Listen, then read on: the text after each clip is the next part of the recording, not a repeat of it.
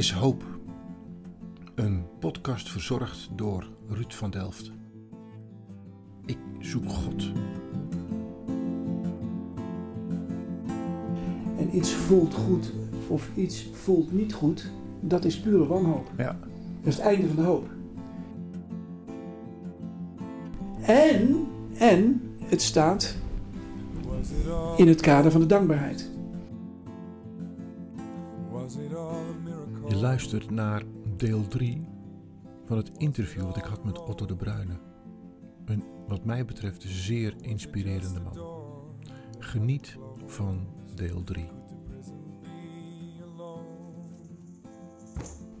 En die, heb, die belofte, die heeft mij volwassen gemaakt. Die twee woorden van die je zojuist noemde van tussen trouw en dienst, die twee zeg maar.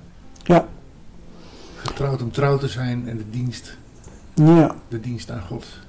Nou ja, ik denk, ik denk dat eh, in onze emo-cultuur, waarin we leven van ervaring en beleving, en iets voelt goed of iets voelt niet goed, dat is pure wanhoop. Ja. Dat is het einde van de hoop. Want hoe zul je het niet goed voelen met je kanker? En toch hoop hebben? Ik denk het niet. Ja, je kunt zeggen, geniet ervan. Hè? Dat is, de, dat is de, het grote mantra op het ogenblik.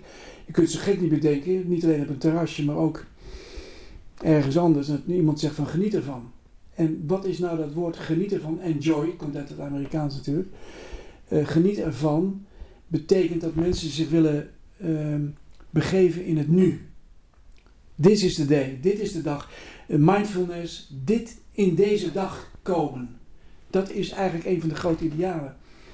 Ehm, ik denk dat, ehm, dat een, een verlegenheidsoptie is, omdat er geen groot zicht is, geen perspectief is op een stip op de horizon. Iets waar je naartoe leeft en waar je voor leeft. Dan moet je wel naar het nu. En dat is goed. Is niet verkeerd. Ik geloof ook dat je nu moet leven. Maar het punt is, het nu is, wordt gevuld vanuit het morgen. Vanuit achter die muur. Dat is een waterval, als het ware, die vanuit de toekomst plats in mijn nu komt. Hè? En uh, dat is één vorm van, van leven in het nu, is, is niet alleen maar genieten ervan, dit is het. Nee, geniet ervan, want het staat in een perspectief. In een, in een, in een, in een lijn, een weg. Een hodos, zeg maar in het Grieks. Dus een weg naar. Um, en, en het staat in het kader van de dankbaarheid. Dus je kunt in het nu terechtkomen. Echt, de deur naar het nu is de dankbaarheid. Ik word dankbaar. De deur naar het nu. De deur naar het nu is de dankbaarheid. dankbaarheid, ja. Ja. Want als je de dankbaarheid kent voor wie je bent, voor wat je hier mag zijn, wat je mag beleven. Ja, ik kan jou zien, je kunt mij horen. Dit, is, dit zijn fantastische dingen waar we, als we daar dank voor zijn, dankbaar voor zijn, zeggen we: Oké, dat is nu. Daar ben ik dankbaar voor. En die dankbaarheid brengt mij in een positie, een, een moment van vrede, van aanvaarding, van erkenning van wie ik op dit moment mag zijn. En op het moment dat ik dat mag verbinden met die waterval uit de toekomst, dus datgene wat mij toe gaat komen, toekomst, dat vult die, die, die dag van, van nu. Heel gek, heel klein, heel gek. Ik, ik zie uit naar het moment dat ik op mijn scootmobiel zit straks naar de Albert Heijn met mijn kleinzoon op mijn knie. Snap je? Dat is verlangen. Ja. Dat heet verlangen. Ja. En verlangen, eh, ja, dat is iets wat het nu, samen met dankbaarheid, dus dankbaarheid en verlangen, dat vult mij nu. En dat, is- misschien is dat een mooie definitie van hoop. Ja. Is dat ook een soort beeldvorming zoals God met jou omgaat? Als dat kleine jochie wat op de knie van de scootmobiel gewoon het Ja, verlangen.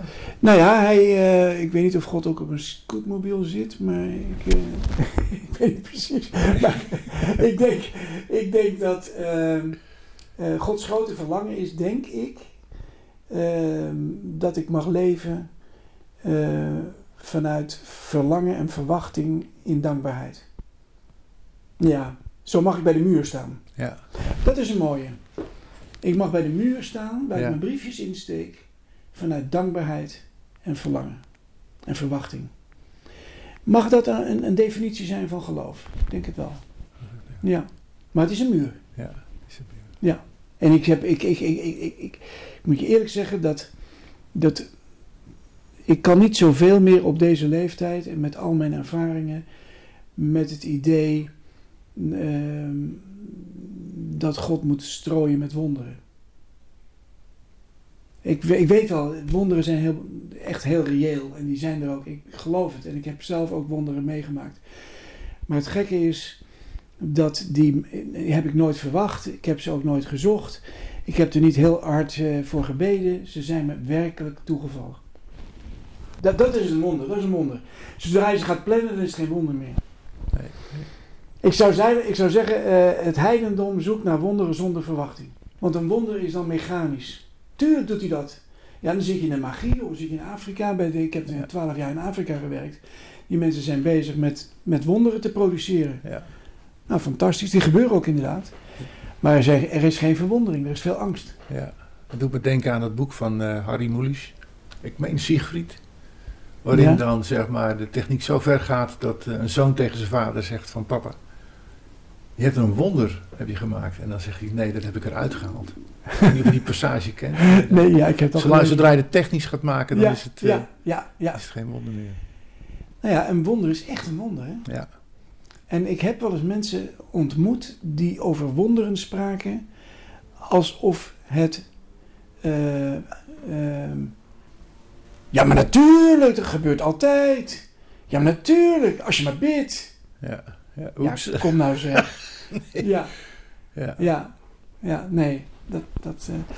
Kijk, het wonder wat ik meegemaakt heb is tijdens het, de, de periode dat ik dus in, in coma lag aan een, eh, een stervende pancreas. Het is een, een necrotische pancreas, eh alvleesklier, waar ik nog maar een paar uur mee had zou kunnen leven. Niemand kon dat weten, want ik was in coma. Ik had totaal geen gevoel. Ik kon niks aangeven dat ik gevoel had. Ik was totaal buiten westen. Ik lag aan draadjes. En toch is er iemand geweest die op een gegeven moment gedacht heeft: hier is iets mis. En die heeft ingegrepen en er is een operatie geweest op een zondagmiddag. Telefonisch contact met chirurgie in academisch ziekenhuis. En ze hebben mij gered. Op het juiste moment. En dat is het wonder op dat juiste moment. En ik denk, ook- later hoorde ik dat natuurlijk. En toen heb ik gedacht, ja, als er nou een wonder is, is het door de handen van de chirurg Ja. op het juiste moment. Nou, dat vind ik wonderlijk. En als, het, eh, ja, als je dan over wonderen wil spreken, zeg ik, ja goed, ja, natuurlijk, absoluut. Nou ja, ik heb er veel meegemaakt, Ja. maar ja, ik, ik, ik, ik moet je eerlijk zeggen dat, eh, dat die verwondering ehm, wel in moet blijven. Ja. Je zou met Johan Cruijff mee kunnen zeggen, het moment dat je gegeven wordt. Ja, Op het juiste moment. ja. Otto, dankjewel voor dit eh, bijzondere moment. Ik, ik hoop dat ik je niet te erg eh, heb overroeld met al mijn Nee. woorden. En dan nog even dit. Ik weet niet of het jou opviel, maar ik vond dat Otto een bijzondere definitie van hoop gaf. Ik zal het nog een keer laten horen. Ja, zo mag ik bij de muur staan. Ja. Dat is een mooie. Ik mag bij de muur staan, Ja. ik mijn briefjes insteek, vanuit dankbaarheid en verlangen en verwachting. Mag dat een, een definitie zijn van geloof? Ik denk het wel. Ja, maar het is een muur. De definitie die Otto hier geeft over hoop doet mij denken aan een boek ooit geschreven door Alexander Dumas. Een bestseller. Ik heb het hier over De Graaf van Monte Cristo. Het gaat hier over valse beschuldigingen en over iemand die toch uitziet naar gerechtigheid. Niet zozeer om zelf het heft in handen te nemen, maar aan te tonen dat het kwaad zichzelf straft.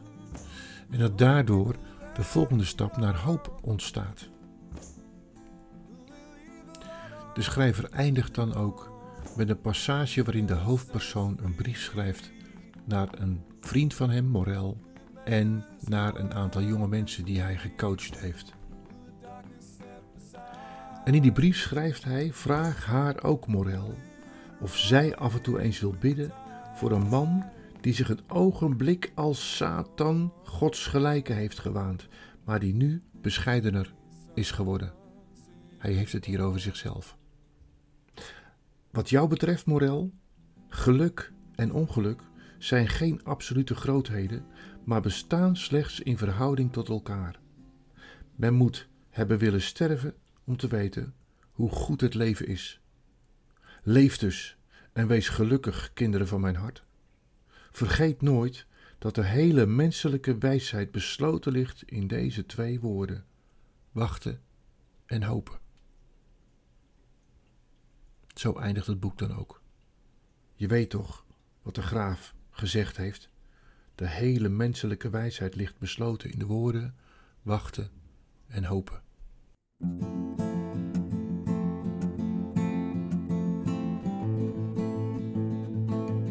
Er is hoop. Een podcast verzorgd door de Stichting Agape. Motto van de stichting is geloven, groeien en gaan. Geloven omdat we vanuit onze eigen zoektocht mensen willen stimuleren mee te zoeken naar God, mee te zoeken naar mensen en hen ook te wijzen op Jezus. Want wij geloven dat God betrouwbaar is en de moeite waard om te zoeken.